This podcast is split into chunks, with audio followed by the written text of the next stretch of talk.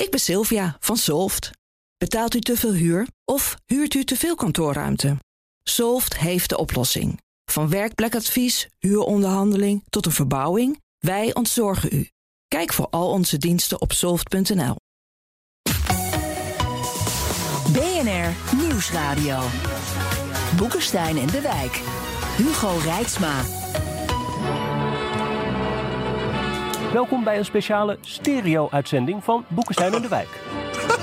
Met in uw rechteroor steeds meer bewijs voor fraude bij de Amerikaanse presidentsverkiezingen. Democrats push back against President Trump's efforts to ensure a fair election. En in uw linkeroor mainstream media propaganda CNN voor homoseksuele pinguïns. En fake nieuws van de NOS. Een agenda van een elite verkooppanel. Het nieuws als wapen in de strijd om de waarheid. Bij Boekenstein en de Wijk. Op zoek naar de nieuwe wereldorde. Met in de studio. Waar was u zonder de mening van Arend-Jan Boekenstein? En het bijzondere aan hem is dat hij altijd objectief gelijk heeft. Op de wijk. Om de feiten te achterhalen hebben we natuurlijk een journalist uitgenodigd. Onze gast is telegraafverslaggever Wiert Duk. Welkom. Hoi. Wiert, na de Amerikaanse presidentsverkiezingen, nu zo'n twee weken geleden, lijkt je haast wel twee Amerika's te hebben. Hè? Met ieder zijn eigen feiten, ieder zijn eigen president en ieder zijn eigen nieuwszender. Waar kijk jij naar? Nou ja, wij journalisten kijken natuurlijk naar alles. Dus, eh, maar ehm, de afgelopen, niet alleen de afgelopen weken, maar de afgelopen jaren ben ik me wel heel erg gaan verbazen over onze Amerikaanse collega's. En eh, met name de collega's die vroeger bekend stonden als degene die voor de kwaliteitsmedia zouden werken, New York Times en ook wel CNN en zo. En hoe die zijn afgegleden de afgelopen jaren in partijdigheid. En het, het soort, die anti, helemaal zijn meegegaan in die anti-Trump-hetsen van de Democraten en hun achterban. En eh, op een gegeven moment gewoon echt alle pogingen tot objectiviteit zijn verloren. Ehm, dat is wel heel ernstig. En dat is niet iets wat we hier in Nederland en in Europa moeten hebben. Hoewel je die tendens hier eh, ook heel sterk ziet. En daar verzet ik me erg tegen. Waar heeft de New York Times alle objectiviteit verloren? Eh, ik kan me herinneren dat de New York Times heeft gezegd: wij staan voor de rechtsstaat. En eh, de, eh, het nieuws wat wij brengen. dat moet wel degelijk objectief zijn. Maar ze hebben wel gekozen tegen Trump. Dat klopt, omdat zij vinden dat hij de rechtsstaat ondermijnt. Wat is daar mis mee? Nou ja, de afgelopen jaren heeft die onder andere New York Times en aantal andere media op basis van een enorm aantal anonieme bronnen eh, die Russian collusion hoax bijvoorbeeld gepusht, waarvan achteraf bleek dat die gewoon helemaal niet klopt. Hè. en nou, eh, ik- waarvan ik jij heb, gaat zeggen dat die wel klopt. maar dat is Nou gewoon. ja, hoor eens even. Ik heb wel Het heeft die, totaal geen stand gehouden bij Ik heb wel al die rapporten gelezen. En ik moet zeggen, met name de Stieldossier laatste- bedoel je? Het laatste, nee, niet het stieldossier, kom op Mhm, zeg. Mooi. Nee, maar wel dus de, de, de, de meer recente rapporten heb ik gelezen. En daar zijn toch wel wij is dus langzamerhand gekomen. Onder andere Manafort, die gewoon directe relaties had eh, met de Russen. Kom zeg, ik Nou ja, bedoel, dat eh, is zo langzamerhand wel bewezen. Dit- nou, dat is niet zo. Als het zou zijn bewezen, dan zou Rum- Trump daar helemaal niet meer zitten. Dus Maar, maar is maar ja. net een boek uit, zo, een maand geleden van Wiseman. Mhm. Dat is wel echt, echt fantastisch hoor. Daar staat dus in dat die arme Muller... die durfde helemaal niet in Rusland goed onderzoek te doen. Mhm. Want die dacht dat hij elke dag eh, ontslagen zou kunnen worden. Dus het is gewoon niet gebeurd wat had moeten gebeuren. En dit is een man die zat dus, die werkte, die, die werkte onder Muller. Met andere woorden, de jury is still out, zou ik willen zeggen. Nou, de jury op, op dit dossier bedoel je? Ja. Nou, dat we dan gaan afwachten. Maar in ieder geval is het niet zo dat wat die Amerikaanse, hè, die media die ik net noemde, wat die geprobeerd hebben, hè, die zijn helemaal meegegaan in dat, in dat discours over die Russian collusion, dat dat is aangeto- aangetoond tot nog toe. En dat was wel in hun ogen en ook in de ogen, hè, klakkeloos ook gevolgd door een groot aantal Nederlandse media, eh, wel degelijk aan de hand. En uiteindelijk bleef daar gewoon echt bijna niks van over. Een paar advertenties op Facebook voor een paar honderdduizend dollar. En dat was het wel zo ongeveer. Zo flinterdun was dat. En als je dan. eh, en hè, nu wordt gezegd. eh, wat Trump nu doet. Hè, die, die, die, die verkiezingsuitslag eh, betwisten. dat kan niet. Dat, is een, dat, is, hè, dat, dat, druist in. Dat zal Rob ook zeggen. tegen de, de rechtsstaat zoals die hebben. Maar vergeet niet na 2016. toen Trump aan de macht kwam. Vanaf dat moment onmiddellijk door de Democraten. en die aan, aan hem verwante media. die, die, zeg maar, die, die storm tegen Trump Trump in gang gezet. Hè. Dus de legitimiteit van zijn presidentschap is vier jaar lang door hem betwist. En waarom? Omdat ook een heel groot deel van het establishment gewoon een persoonlijke aversie tegen iemand als Trump koestert. Hij is de ultieme populist natuurlijk. Hij is een rouwdouwer. Hij heeft geen enkel fatsoen, een ordinaire man die binnendringt in hun bastion, zo zien zij dat. En die moet kapot gemaakt worden. Ja, en op alle mogelijke manieren nee, maar- is dat ook ge- Maar de geprobeerd. rechtsstaat, de rechtsstaat die is hier wel een centraal gegeven hoor. Je kunt toch niet nou, die, ontkennen werd dat. door die, die mensen dus behoorlijk ondermijnd. Je kunt toch niet ontkennen dat een man als Trump die rechtsstaat continu ondermijnt. Ik bedoel, dat, dat doet hij nu ook. Door gewoon zijn verlies niet eh, toe te geven. Door te proberen om via allerlei juridische maatregelen, wat hij, wat hij wel mag, maar wat allemaal mislukt. eh, maar dan slaat het om in stemmingmakerij. Om ervoor te zorgen om alsnog eh, te kunnen blijven. Deze man heeft keer op keer de rechtsstaat met voeten getreden. Eh, hij heeft eh, zijn ministeries compleet uitgehold. Eh, de boel is kapot gemaakt. Kapot maken was doel op zich. Nou, maar ik vind wel dat je ook de morele plicht hebt op een gegeven moment om kijk, daar ook partijen tegen te kiezen. Nou, dat vind ik als medium niet. Commentatoren misschien wel. En ik vind wat telkens een vergissing die gemaakt wordt, dat is wat jij nu ook doet, dat is dat je, als je bekritiseert, zoals ik doe, wat die Democraten en dan hen gelieerde media hebben gedaan, dat je dan onmiddellijk in eh, wordt weggezet als iemand die Trump verdedigt. Ik ben helemaal niet Nee, dat hier. doe, ik, dat doe ik niet. Dat Ja, doe ik absoluut nou, nou niet. ja, impli- dat impliceer Maar je ik, vind wel. wel, nee, maar ik vind wel dat wanneer je een president hebt die A, de wereldorde en B, zijn eigen land kapot maakt. Ik bedoel, mag ik even herinneren aan de, de speech die hij hield op het eh, moment dat hij werd geïnaugureerd. Met zijn deep state en dat de hele boel moest worden eh, ontmanteld. Dat is heel erg ernstig hoor. Eh, als je ook gewoon kijkt naar eh, de cijfers op dit ogenblik, dan is eh, de Verenigde Staten gezakt op de ranking van democratische landen. Het is niet eens meer een volledige democratie. Dat komt in belangrijke mate door mensen als Trump. dan- Ik bedoel, dat, dat is wel Ja. heel erg fundamenteel hoor, wat hier gebeurt. Het, het punt dat ik ben het een paar dus- dingen niet met je eens, maar ja. ja. Maar je kunt twee dingen tegelijkertijd vinden. Je kunt zeggen, als je er objectief naar kijkt... van nou, inderdaad, in Amerika is de polarisatie enorm... en ook bij de media. hè. Dus eh, Ja. het geldt voor, alle, voor Fox, het geldt ook voor CNN. Daarnaast hebben we wel een hele bijzondere president... Hè, die bijvoorbeeld gewoon in Helsinki zei van... ik geloof mijn eigen geheime diensten niet en ik geloof Poetin wel. Daar moet nog steeds een verklaring voor worden gevonden. Het is natuurlijk ongelooflijk wat daar gebeurde. Als Nixon dat had gedaan, of Reagan of zo... dan waren we ook allemaal van de canapé gevallen. Hè? En nou is mijn punt aan jou van... die column van Roderick Velo die je ons stuurde... Hè, is allemaal prachtig wat hij zegt over parti pris... en dat we dat hier niet moeten hebben. Maar daarnaast moet je ook gewoon zelfstandig vaststellen... hier is een man bezig om de rechtsstaat uit te hollen. Net zoals Orbán dat doet. En dat vraagt van ons als liberale burgers ook een oordeel. Ja, maar wat, kijk, wat maar niet tot mensen zoals zeg maar, jullie doordringt. Dat is eh, het platform waarop hij gekozen is. En dat is het platform van mensen die vinden dat zij van die. Van, eh, jullie noemen het die rechtsstaat. Maar dat, die, die vinden dat zij van het establishment. Waarmee, waarmee dat zij te maken eens. krijgen, Dat ben ik met je Niks te verwachten hebben. En dat hetzelfde establishment die rechtsstaat ook misbruikt. om deze mensen zeg maar, in hun ogen klein te houden. En de afgelopen vier jaar is dat dus Ja, bij uitstek. of dat echt zo is. Nou ja, dus de afgelopen vier jaar is dat dus bij uitstek de, de oudere blanke eh, arbeider geworden. Hè? Ja. Die in dat hele discours, wat ook is overgenomen door Maar die activistische, wacht even, door die activistische democraten. Permanent wordt vernederd, eh, beledigd, weggezet als iemand die is inferieur is. Dus die mensen gaan denken: als dit jullie rechtsstaat is, als ik telkens beledigd kan Ja, maar worden. dat kan allemaal maar wacht even, als ik telkens beledigd word door de leidende politici binnen de Democratische Partij. Door die media. Want die media die doen daar gewoon eh, de- eh, heftig aan mee. Als dat het discours is waarmee die mensen geconfronteerd worden, dan gaan zij niet moeilijk doen over wat Trump daar zegt over die veiligheidsdienst in Helsinki. Die, ze- die denken dat is mijn man, want die denkt precies zo. Maar weer te afschaffen van de rechtsstaat helpt de boze witte man niet. Dan is het aan de media om te zeggen: het is heel slecht wat Trump daar in Helsinki doet. Mocht er aangetoond worden dat hij in de zak zit van Poetin, wat overigens helemaal niet zo is, dan is dat ook heel slecht. Maar aan de andere kant, die mensen die zo achter Trump aanhollen nu en die een soort cultus zijn gaan vormen nu zo langzamerhand. Die moeten wij een stem geven. En dat is eh, af en toe ook wel gebeurd. Er zijn een paar goede boeken verschenen door e- nog echte verslag, eh, verslaggevers. Maar de trend was: we gaan die mensen pakken. dat zijn Trump-stemmers, we gaan ze kapot maken, we gaan ze kapot schrijven. In het nieuwe, moderne, westerse, multiculturele, globalistische, internationale even, orde, moet, die, die eh, wereldorde je waarop het twee- ja, je moet zijn echt zij inferieur. dingen uit elkaar houden. Eh, aan de ene kant de grieven van die mensen die absoluut, die absoluut terecht zijn.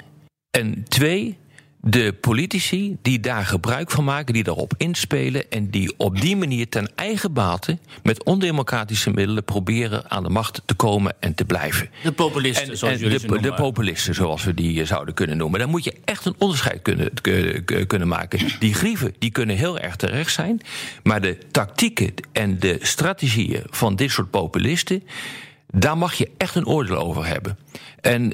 Ja, dat is, dat is wat ik ervan vind. En die, het- maar die, dat- die twee discussies lopen continu door elkaar. Is het niet in die zin simpeler dat die media, volgens mij de New York Times, zegt ook expliciet wat ze dan noemen he said, she said journalistiek? Dat je Ja. gewoon de ene partij tegenover Ja. de andere partij zet en zoek het maar uit. Dat dat niet meer werkt als een van de mensen, Trump dan, gewoon de hele tijd onwaarheden debiteert. Dat je dan dus stelling moet nemen als medium. Dat is volgens mij hoe zij het eh, zeggen. Het gaat dan niet zozeer over Russen of zo, maar gewoon als Trump dingen zegt die niet waar zijn. Nou, kijk, ik, ja, ik ben het met je eens dat dat een enorm probleem is geworden. En dat die media daar ook mee worstelen. Hè? Dat ze dus zich helemaal eh, scheel lopen te factchecken. Omdat Trump per minuut ongeveer tien eh, dingen vertelt die gewoon niet waar zijn. Dus je hebt met een soort. eh, Nee, maar dat is dus de tactiek. Dat is dus ook de manier van politiek bedrijven. Het gaat om twijfelzaaien. En dat is natuurlijk ook wat bijvoorbeeld met Russische beïnvloedingscampagnes gebeurt. Het is gewoon twijfelzaaien. De boel ontregelen. En inspelen op eh, die angsten, op die onvrede die er is. En dat exporteren. Dat doe je niet. Dat doet Trump niet. op het omdat, moment- hij, omdat hij zo ongelooflijk veel houdt van die kiezers. Volgens mij van afschuwt hij ze. Op het moment.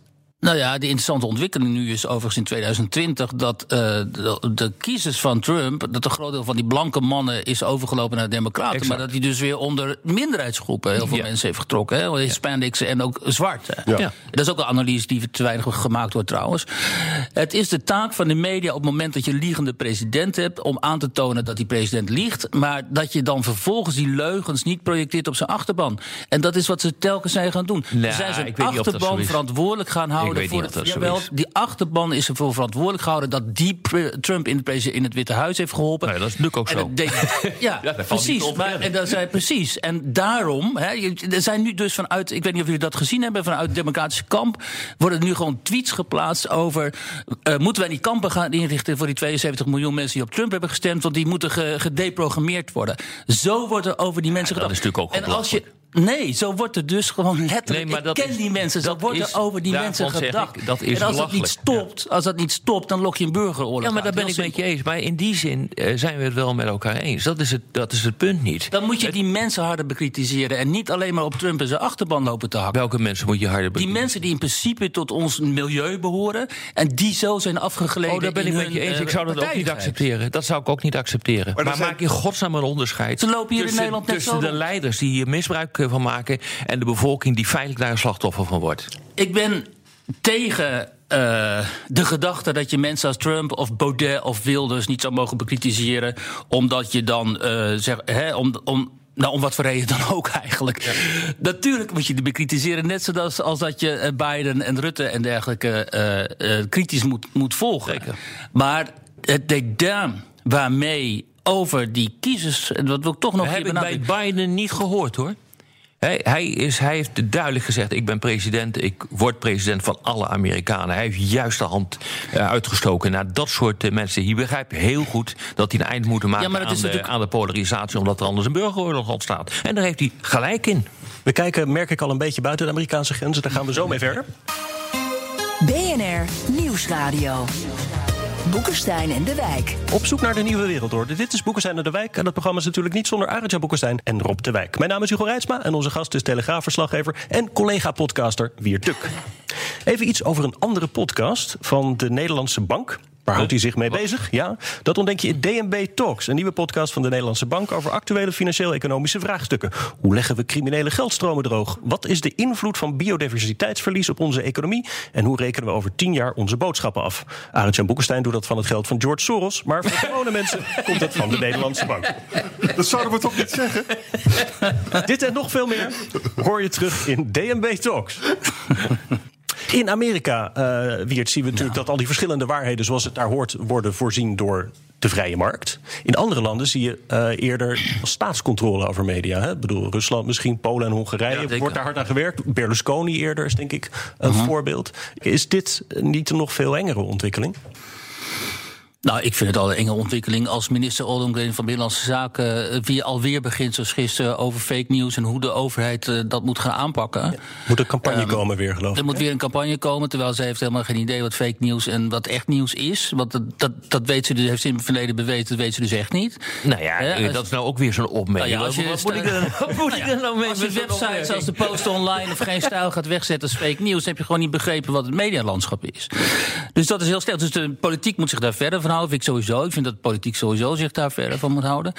Um, en we zitten natuurlijk met die big tech, uh, die met, uh, met Facebook en die andere ja. grote technische bedrijven die voor ons ongeveer gaan maar bepalen. dat je gewoon echt alles ongeklausuleerd, gelul en geen gelul, gewoon echt alles maar moet kunnen publiceren en ook op Twitter en Facebook kunnen zetten? Nee, dat vind ik niet. En of ik vind zou er een check die... op uh, gerechtvaardigd zijn? Nou ja, kijk, het probleem is natuurlijk dat die, die grote bedrijven zoals Twitter en Facebook en zo, dat die heel duidelijk ook een bepaalde politieke voorkeur hebben. Zodat al heel snel de indruk althans ontstaat dat ze sommige, uh, sommige uh, publicaties en sommige opinies uh, wel doorzetten waar ze andere stoppen. En U bedoelt dat bijvoorbeeld Trump wordt afgeschermd omdat hij voor de zoveelste keer weer een niet te controleren feit. Nee, maar er zit gewoon heel veel willekeur in. Kijk, als, uh, hè, als gewoon uh, filmpjes kunnen circuleren van onthoofdingen door islamistische groepen en zo. Maar die worden inmiddels ook uitgehaald. Die zie je dan. En dan vervolgens een, een, een, mening over, of een wat rechtsere mening over wat zich in Amerika afspeelt. Die wordt dan geblokt. Dan denk ik wel, er zit wel heel veel willekeur in. Maar ik goed, weet ik, niet of dat zo is hoor. Ja hoor, maar ik, ik, begrijp wel dat het een enorm probleem is. En ik zou het ook een nog groter probleem vinden als die bedrijven eigen censuurcommissies uh, zouden inrichten. Want dat kan natuurlijk helemaal niet. Dus we zitten nog in een situatie waarin we niet precies weten. Nou ja, censuur. Mm -hmm. ik, ik denk dat je dat ook in belangrijke mate geen censuur mag noemen. Er is natuurlijk een hele hijzaal ontstaan. Nee, natuurlijk niet. Over, maar jij kunt gewoon niet over, tegen onwelgevallige meningen. Lulkoek. Echt, echt totale onzin uh, weer. Dat is echt. Uh, dat is belachelijke, zijn belachelijke uitspraken. Nee, waar het natuurlijk feitelijk om draait, is: kun je ongeclausuleerd flauwekul debiteren. Gewoon leugens debiteren en die verkondigen als waarheid. Op dit toch en, en het antwoord is welke positie dat komt. Als, nou, de als, een president, als een president ja. van de Verenigde Staten dat doet, dan vind ik dat, dat Twitter echt wel een taak heeft om te zeggen van hoor eens even, dit is niet te checken. Dat heeft dus helemaal niks te maken met, uh, met mijn overtuiging of ik voor of tegen Trump ben. Uh -huh. Maar uh, da, dat is gewoon objectief is dat nou zo. Ja, ik was nog niet zo. Ik wil ook zeggen, de oplossing dat geldt, Twitter... ook, dat geldt ook voor Nederland. Dat, als, dat, ja. als dat gebeurt. Ik bedoel.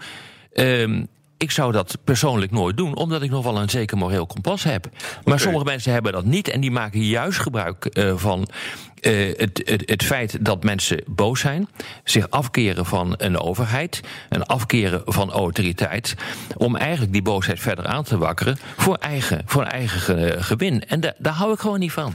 Nee, maar luister eens, kijk, er mogen ook gewoon publicaties verschijnen in Nederland waarin iemand als ik, uh, waarin van iemand als ik wordt, of mij, hoe zeg je dat, uh, wordt gezegd dat ik zou worden aangestuurd door het Kremlin. Mm -hmm. Hè? En wat natuurlijk volstrekt een totale onzin is. Ja. Uh, maar dat gebeurt gewoon. Hè? Dat nou, je moet in, weten in... wat er over ons wordt geschreven. Ja, nou, dat is dus de, welkom bij de, de, de realiteit waarin we zitten. Nou betaalt Soros wel meer dan het kan. ja, dat heb ik de gaten. Nee, maar, maar, ik heb je auto zien staan uh, buiten. Hey, luister, dus even een punt. Hè, van, kijk, we hebben het dan over Nederland. En dan, kijk, dan hebben we die schattige D66-minister van Ollongren. Die probeert wat. Meestal mislukt dat. Hè. De EU heeft het ook geprobeerd. Dat is allemaal Bart Nijman. Die doet dan wat en dan mislukt het allemaal weer. -huh. Oké, okay, dat is Nederland en Europa. En nu gaan we naar Orbán. En daar gebeuren dus echt dingen. Nee, hoe gebeurt het daar? Jij bent, ik ben Orbán, jij bent mijn bevriende ondernemer. Nou, jij koopt gewoon kranten op. Uh -huh. En dan gaan we vervolgens gaan we de Vierdux van uh, Boedapest... die gaan we dan inhuren. En die gaan we dus wel, welgevallige teksten laten maken. We nemen de, de media-toezichthouder. Uh, zetten we een vriendje neer. En dan gaan we via die weg. Dit is dus van een hele andere orde. Hè? En daarom vind ik het volstrekt legitiem... ook weer vanuit dat, dat rechtsstaatperspectief... dat we heel kritisch blijven over wat er in Oost-Europa En dat heeft dus gebeurt. niets met links of rechts te maken, Ja. Weert. Ik bedoel, maar je, maakt, als je maakt er iedere keer een politiek eh, punt van. Maar het heeft er gewoon niks mee te maken. Het is of je bent voor de rechtsstaat, of je bent. Het interesseert je niet. Eh, of je bent voor. eh, ehm, Jij bent ook voor de rechtsstaat. Voor media, voor media, want dan zouden wij hier niet zitten. Dan, zouden we hier niet, dan zouden wij deze discussie niet eens kunnen hebben. Of je bent voor ehm, eh, media die proberen in ieder geval nog zoveel mogelijk objectieve waarheid te, te brengen. En in ieder geval geen fouten te maken. Of je bent het niet, of je zorgt ervoor eh, dat je die media gebruikt ten eigen baten en er allerlei flauwekul over de mensen uit te Ja, ben ik strooien. ik ben er ook absoluut op tegen wat er in de Verenigde Staten gebeurt. Of het nou of CNN dat doet, of de New York Times, of wat dan ook. Hoewel ik Wat vind jij daarvan, Wiert, van dit standpunt? Nou, dat ik, daarom ben ik ook af en toe zo. eh, eh, gaat mij dit zo aan het hart. Als ik iemand als eh, Christian Amanpour, die toch de buitenlandchef is van CNN. Als ik die hoor zeggen dat hè, op bij de herdenking van Kristalnacht. eh, dat dit eh, analoog is aan de afgelopen. Hè, wat er tijdens Kristalnacht gebeurde. Iedereen weet wel wat er destijds gebeurde. Dat het analoog is aan via Trump. Ja, dat is, daarmee ondermijnt zij in mijn ogen de rechtsstaat. En ze heeft ook de, hè, de Israëlische autoriteiten hebben aangedrongen. Excuses heeft ze moeten maken. Dat is iemand met Maar zoveel gezag Ja, dat internationaal. Dat is daarmee ondermijnt ze mijn eens? vak. En Daar zijn we het over eens, ja. ja, maar daarom ben ik daar zo kwaad over. Kijk, jullie, jullie betrekken dat hè, primair op de rechtsstaat. Ik ook, maar vooral ook op mijn vak. En ik zie daar dit soort mensen, die vroeger voor mij ook eh, autoriteiten hadden. Hè, Ja, maar jij wordt er wel Ons erg vak ondermijnen. hoor. Je wordt ook al heel erg dit is politiek. Dit- die uitspraak van haar is 100% politiek. Dat is waar. Nou, het is een hele ongelukkige vergelijking. Ik weet niet of hij politiek is. eh, Wat maar denk je zelf? Dat, dat, Natuurlijk is die hij politiek. kan politieke implicaties hebben, maar hij hoeft niet op zich politiek te zijn. Ik bedoel, je kunt ook zeggen eh, dat wat Trump doet. Eh, dat dat rechtstreeks uit eh Mein Kampf komt. Eh, want de grote leugen maar daar wordt, daar- wordt daar dus. Maar dat is niet op, op zich mag je die vergelijking wel maken. En die hoeft niet politiek eh, te zijn. En daarmee ondermijn jij in mijn ogen ook democratie.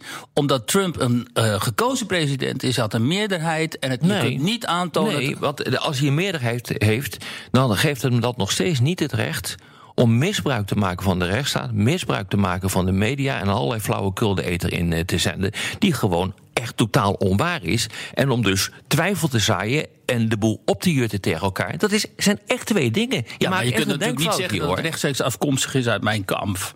Dat is gewoon absurd. De grote, de grote leugen, ja, dat is echt iets wat, eh, wat bij Hitler vandaan komt. En die heeft ook gezegd, je moet een, een leugen wordt pas, eh, pas geloofwaardig... als je hem 20, 100 keer gaat herhalen. Ja, ik bedoel, dat, zijn, dat, dat is wel zo.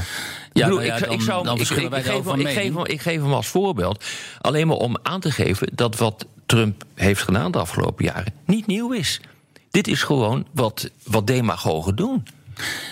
Ja, maar ik kijk, dat, dit is inderdaad een standpunt dat je kunt, kunt hebben. Maar ja, daar ben ik het op Nee, het is geen basis van feiten gewoon het is geen standpunt. Ja, analyse je, die kan je me, maakt. je kan me hooguit eh, beschuldigen van het feit dat ik een hele ongepaste vergelijking trek. Maar daarom kan die nog wel waar zijn. En daarom is hij niet per se politiek. Nou ja, uiteindelijk hij heeft gewoon meegedaan aan de verkiezingen. Zijn partij heeft meegedaan aan verkiezingen. Maar nogmaals, eh, Wiert, dat geeft je geen recht om op deze manier de, de rechtsstaat onderuit eh, te halen en de bevolking te manipuleren met leugens. Even nog voordat we uit de tijd lopen. Wiertje zei Ja. eerder iets van een vergelijking met Nederland. Dat je denkt of niet hoopt dat hier eh, feit en mening in de media ook zo door elkaar gaan lopen. Is dat iets wat, wat jij denkt dat er gebeurt? Jazeker, dat, dat zie je natuurlijk ook gebeuren. Nou, hè. daar ben ik wel met Dat, je eh, eens. ja. Maar weet je wat ik het allerergste vind, eh Weert? Dat is dat in alle praatprogramma's mensen die echt wat weten worden gebannen. En het zijn vooral interv- eh, interviews nu met journalisten. Daardoor lopen feiten en meningen compleet door elkaar. Ja. Ik, ben, ik ben wat dat betreft, noem mij ouderwets... maar een groot voorstander om journalisten te bannen... uit die opinieprogramma's. Want dit is echt gewoon niet goed. Wij zitten Want hier het met een journalist in. ja, dat weet ik. Dat weet ik. Maar, maar dit, is, dit is ook geen nieuwsprogramma. Dus hier kan het wel. Maar je moet een groot onderscheid eh, maken eh, tussen eh, je journalistieke taak. En dan hoor je, vind ik, eigenlijk uit de opinieprogramma's weg te blijven.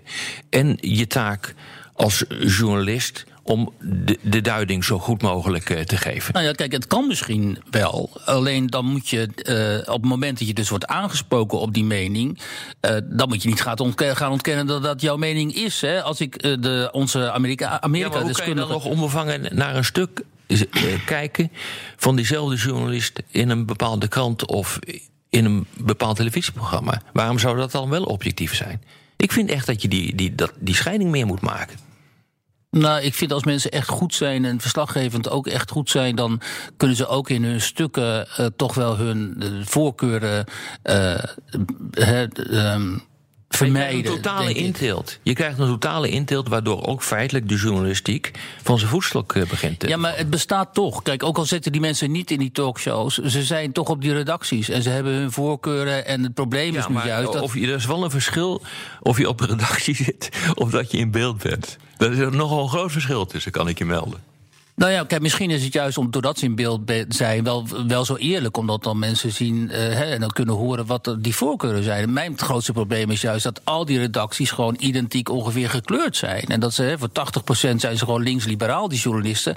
En dat zie je heel duidelijk in hun, uh, in hun opinies en ook in hun, in hun invalshoeken en in de onderwerpen die ze kiezen Maar- maar- maar wie- terugkeren. Maar Weert, het is toch interessant. Er wordt heel vaak gezegd, hè, dus voor een deel herken ik het ook wel. Maar ik zie gelukkig ook bijvoorbeeld in de Groene Amsterdammer deze week... mevrouw Vochtelo, zegt nu over politieke Ja, er is heel veel te doen over dat stuk. Maar het is helemaal niet zo'n bijzonder stuk. Dat is Ja, maar- gewoon een mevrouw die vanuit de linkse traditie zegt... van kappers met, dat, met, Ja. met, hè, met het eh, knuffelen van dat islamisme. Want dat is niet oké. Dat is Dat zou een volstrekt normaal standpunt voor een links weekblad moeten zijn. En nu zeggen we, nou applaus zeg, want de Groene die durft in de islamkritiek te leveren. Ik bedoel, het feit dat wij daarvoor applaudisseren... is dus toch al een beetje sneu. Nee, maar, maar het gebeurt wel, hè? Nou, neem, neem iets als Wat is daar nou eigenlijk mis mee met Nieuwsuur? Nieuwsuur heeft een aantal hele goede journalisten die heel goede onderzoeksjournalistiek hebben gepleegd hè, de afgelopen jaren op, die, eh, op een aantal van die eh, de dossiers. Maar in, eh, ja, god, ik, ik moet ook niet een, een, een nieuwsrubriek gaan kritiseren. Het gaat natuurlijk meer in zijn algemeenheid over de, de tendens die je ziet, de, de vraagstelling. De afgelopen weken hebben we dat natuurlijk in extremis gezien met de ontvangst van het boek van Obama. hè. We lagen, de hele, alle media lagen gewoon op hun knieën en Tommy Wieringa die daalde af van die volken waar hij op die eh, Obama mocht interviewen. En die zei dat eh, de enige slechte eigenschap van de heilige Obama is dat hij een beetje rookt. Ja, weet je, dat is natuurlijk. Dat, daarmee beledig je gewoon de intelligentie van de normale burger. Maar en je ziet ook dat. dat doet een man als Trump toch ook? Met, met al zijn. Nou. Met al zijn- met, met, met, met- sorry hoor, maar ik bedoel, dat, dat, dat, gebeurt toch ook? ja, maar dat het is zijn openlijke bruutheid en in zijn openlijke En zijn leugens. botheid is Trump toch gewoon zelfs door een, een, een, een iemand met een niet al te hoog eh, eh, IQ, laat het zo zeggen, toch al te doorzien. Er zit toch bijna daar zit toch niks. Niet. Nou, kennelijk niet. Omdat 50% van de bevolking bijna op hem stemt. Ja, maar dat is niet omdat Trump leugens verkoopt. Dat is ten eerste Omdat- uit, uit af, afkeer, Afkeer. van dat establishment, democratische, hè, grootstedelijke establishment. Men- nou, ik weet niet of, of dat zo is, maar het is uit afkeer met hun eigen positie. Volgens mij zijn we een beetje weer terug waar we Oh, zijn ja. begonnen. Dus dat is mooi. Daarmee kunnen we afronden, althans voor de radio. Op de podcast gaan we door met luisteraarsvragen. Luistert u op de radio, dan verwijs ik naar Spotify, Apple Podcasts of bnr.nl. En ik dacht nog, wat lekker veel vragen op Twitter... maar de meeste vielen toch in de categorie opmerkingen. Over dat we weer Duk hadden uitgenodigd. Ik vond het wel poëtisch. Dat is nou juist eigenlijk het onderwerp van gesprek met elkaar praten. Maar eh, het waren overigens ook wat boze reacties... dat we Rob de Wijk weer hadden uitgenodigd. Terwijl hij toch van de podcast zelf is. Arthur Hogeveen had wel een vraag. Die zegt: eh, USA is een mooi voorbeeld dat kijkcijfers de verkeerde driver zijn voor feitelijke nieuwsvoorziening. CNN, Fox. Maar kijkcijfers zijn ook de basis voor het voortbestaan. Revival van onafhankelijke publieke omroep? Vraagt hij. Een onafhankelijk journaal? Het is echt een punt, hè? Ja, absoluut. Als, als de klik gaat bepalen eh, je inkomsten... Ja. Dan, dan, ga, dan ga ik er dus heel veel seks en rock'n'roll in. Of, Ja. of ophitserij. Dus de publieke omroep, leuk uit mijn, mijn mond... die moet toch ook verdedigd worden? En in, in, Amerika heb je een publieke omroep, maar die is heel klein. PBS, hè? Ja, dat is heel klein. Wat interessant is aan deze coronacrisis, ook bij onze krant, dat is dat je ziet dat het eh, met een aantal media heel goed gaat.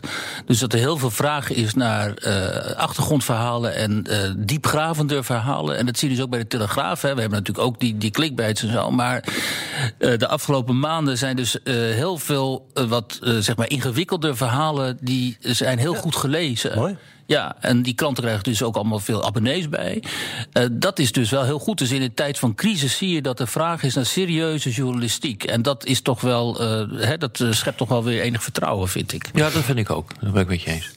Jeroen van Gerven vraagt: waarom doet Joe Biden zelf niets? Benoem elke dag dat je gewonnen hebt. Dat doet hij ook. Dan heeft hij iets gemist. dat doet hij continu. Nou, hij drukt zich niet altijd consistent uit bij natuurlijk. nog. Hij benoemt ook aan de lopende band uh, allerlei uh, mensen die uh, onderdeel moeten zijn van zijn toekomstige administratie. Dus dat, ja, ja. dat doet hij ook gewoon. Ik was alweer een beetje afgehaakt van CNN, dus misschien doen ook. Ischa Walberg vraagt: hoe denkt Weer Duk over de groeiende invloed van opiniemakers? Moeten zij zich bij complexere problematiek, zoals de coronacrisis, niet bescheidener opstellen ja. ten aanzien van wetenschap dan ze nu doen? Ja, dat is wel een punt, inderdaad. Ja. Ik word ook echt. Hey, ik weet niet wat ja. jij ervan vindt, maar ik, ik zat, was op weg naar deze studio. Ik werd weer helemaal misselijk van al die discussies over de kerst. Of hoe we de kerst kunnen gaan voeren. Dat is zo de mythe jongens. Houd toch gewoon op met die flauwekul. En, en dat gaat maar door. Gaat maar door. En nu weer welke groepen eerst moeten worden gevaccineerd. Dat gaat maar door. En, ja, maar er zit ook een ander punt aan. Namelijk dat wat is dit voor gelul langzamerhand? ja, maar het probleem is dat er zo ontzettend slecht gecommuniceerd is... vanaf het begin van die uh, crisis. En dat uh, onze deskundigen uh, aanvankelijk die coronacrisis en de komst van COVID um, helemaal verkeerd hebben ingeschat. Ja, maar dat is inmiddels alweer drie kwart jaar geleden. Ja, maar vanaf dat moment is er dus een vertrouwenscrisis ontstaan bij heel veel burgers. Die nu dus heel veel van die deskundigen en dan uh, niet meer serieus nemen. En dan helpt het natuurlijk niet dat er iemand als Jaap van Dissel zit. Die zo enorm, enorm moeilijk te beleren is. En maar niet begrijpt hoe je moet communiceren met je publiek. En maar heel ijzeren heinig blijft vasthouden aan zijn meningen. Die, uh, op een, die nou, langzamerhand telkens worden aangepast. Nou, de de vraag is of het meningen zijn, of dat dat uh, bij het RIVM uh, uitspraken zijn gebaseerd op feiten. Ik bedoel, je, wat, wat, wat, uh, wat Rutte terecht zei. We moeten 100% beleid maken op grond van 50% informatie. En dat is ook zo. Maar we leven in een maatschappij waarin mensen denken dat alles maakbaar is. Dat, alle, dat de wetenschap alles weet. Uh, en dat je dus gewoon recht toe op je doel afgaat. En als dat niet kan, dan zit je de boel te besodemieteren. Dit heeft alles te maken met het probleem waar we, ja. waar we het net over hebben in de Verenigde Staten. Het zegt heel veel over een maatschappij die wat dat betreft gewoon in mijn optiek gewoon van het pad af is. Ik bedoel, je hebt een pandemie, je hebt een probleem en je weet niet precies uh, welke kant het op en, gaat. En, en, dus is het handelen naar bevind van zaken op basis van zoveel mogelijk informatie en daarin worden fouten gemaakt. Klopt allemaal. En dan moet hij dus wel, ik weet wel het een en ander van communicatie en ook wel wat van politiek. Dan moet dus vanuit de politiek en vanuit het communicatieteam tegen iemand als Van Dissel worden gezegd: Jaap, dat mondkapje, oké, okay, daar zijn we het niet over eens. Hè. Misschien helpt het helemaal niks. Maar het is een heel belangrijk symbool in deze crisis. Dus jij gaat nu even je mond houden over dat het niet zou werken. We gaan het vanaf nu gewoon verplicht stellen in binnenruimtes. En dan willen we niks meer over horen. Dus een politiek besluit nemen we nu, zodat de samenleving begrijpt hoe serieus het is. Over het mondkapje is maandenlang gezeken. En het einde is, het wordt nu verplicht. Ja, maar zo ga je niet. Maar als je zo met je burgers omgaat. van het probleem. Maar, maar er is nog veel fundamenteler probleem. Dat, ik vind dus dat trace test isolaten. Dat was natuurlijk de oplossing. Ja. Gaan we nu ook doen. Waarom heeft dat zo lang geduurd? Ja, nou, omdat Van Dissel eigenlijk groepsimmuniteit wil. Heel simpel. Dat is, dat is zijn ijzeren heinigheid. Hij denkt, hij gelooft alleen maar in groepsimmuniteit. En dat is wat we al, al, al die maanden aan het doen zijn. Alleen dat zeggen we niet, want dan gaat, komt de bevolking in opstand. Maar dat is in feite wat we doen. En we gaan telkens een beetje lock in lockdown als die ziekenhuizen dreigen vol te lopen. Maar zodra die weer leeg zijn, gooien we de samenleving weer open. Dat is gewoon het officiële beleid. Alleen dat vertellen we de burgers niet, want die gaan dan de straat op. Die zeggen: ja, maar dat willen we niet, want zometeen gaan we allemaal dood. He, die communicatie daarover is gewoon helemaal niet eerlijk verlopen. Natuurlijk ook uit angst, omdat de burgers, omdat ze denken: van ja, als we dat gaan vertellen. Maar de reden dat alles weer open wordt gegooid is toch economisch? Dat is omdat iedereen anders failliet gaat. Ja, maar dat, waarom denk je dat scholen open zijn? Die scholen, dat zijn, dat zijn brandhaarden nu. Dus nu op iets van 800 scholen zijn gewoon infecties, maar ze zijn gewoon open. Omdat die daar bij het RIVM denken, ja, er zit, er zit niks anders op. Nee, maar je hebt natuurlijk wel een, een werkelijkheid van, laten we zeggen, de wetenschap. En de feiten die spelen bij het RIVM, die worden gecommuniceerd. En vervolgens heb je een politieke afweging hoe je het gaat doen. Wij worden allemaal, uh, wij zijn allemaal getuigen, en daar heb je gelijk in, van een politiek debat die onlust uh. Ik bedoel, dat is gewoon zo. Dan, maar dat is in de Verenigde Staten, om even terug te komen op ons onderwerp, is dat dus ook het geval uh, geweest. Het grote probleem is, hoe ga je hiermee om? Ik bedoel, dat, dat valt wel te zeggen, hoe je hiermee om moet gaan. Je moet, eigenlijk moet je gewoon één hoofdige leiding hebben. Hè? Theoretisch. Geen gelul. Ja. De, je moet er achter de scherm moet je de discussies eh, voeren... en vervolgens communiceer je dat. Helder. Compleet Vind je niet dat ze één crisismanager hadden moeten aanstellen? Ja, natuurlijk. Je hebt één crisismanagement. Wat er gewoon gebeurt is, dit gaat in tegen alle basale principes van crisismanagement. Ja. Eh, maar zo werkt het nu eenmaal in de, in de democratie. Nou, in de een- polderdemocratie. Je hebt een bevolking die overal over mee wil, eh, wil praten... en alle kanten opgaan en het niet gelooft. Dus eh, de, eh, wat hier nu ook blijkt... is net zoals bij, bij Trump... en die speelde daarop in... is het gebrek aan vertrouwen in die instituties, in autoriteiten. Nou, dan gaat het gewoon alle kanten op. En dat is denk ik het grote probleem van deze tijd. Dat En- je een uitholling krijgt, inderdaad, van de pijlers onder de rechtsstaat. Ik- De media worden niet meer geloofd. De autoriteiten worden niet meer geloofd. eh, de instituties worden niet meer geloofd. De rechters worden niet meer geloofd. Eh, dat zien we nu ook eh, in die zaak met die Verstappen. Of hoe die vent ook heet. En de ene helft van de bevolking vindt dit. De andere helft van de bevolking vindt dat. En dat is denk ik het fundamentele probleem. Wat echt de rode draad is door deze Maar dan hebben wij toch deze dezelfde analyse, alleen jij vliegt hem anders in. Jij maakt Trump daarvoor verantwoordelijk. Terwijl ik zeg, Ja, hij die is maakt- een symptoom Nee, van wat al langer maakt- gaande was. Oh, dat is waar. Maar tegelijkertijd heb je wel een moreel kompas nodig om niet misbruik te maken van deze situatie. En op basis daarvan eh, de kiezers naar je toe te trekken. En Voorbeeld? eigenlijk met list en Voorbeeld? bedrog. Nog nog even? Arjan. Op al, in al die landen, hè, Verenigde Staten, Nederland, eh, Hongarije, Polen...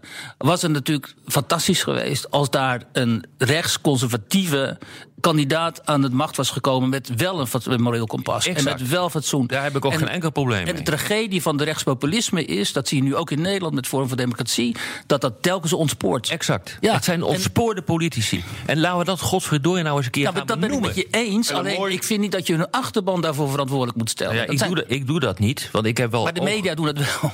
Nou ja, dat vraag ik me echt af. Elke dat kiezer krijgt de leider die hij verdient. En neem nou, neem nou Farage. Wat gaat Farage doen, de electoral marketeer? Hij gaat een anti-vaccin-partij oprichten.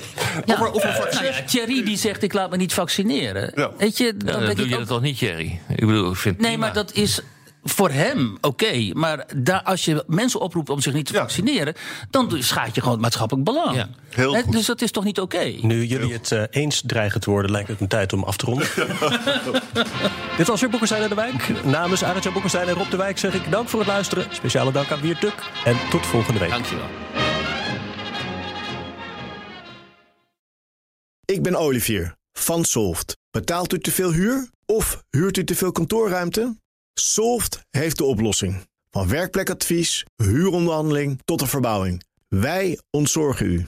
Kijk voor al onze diensten op soft.nl.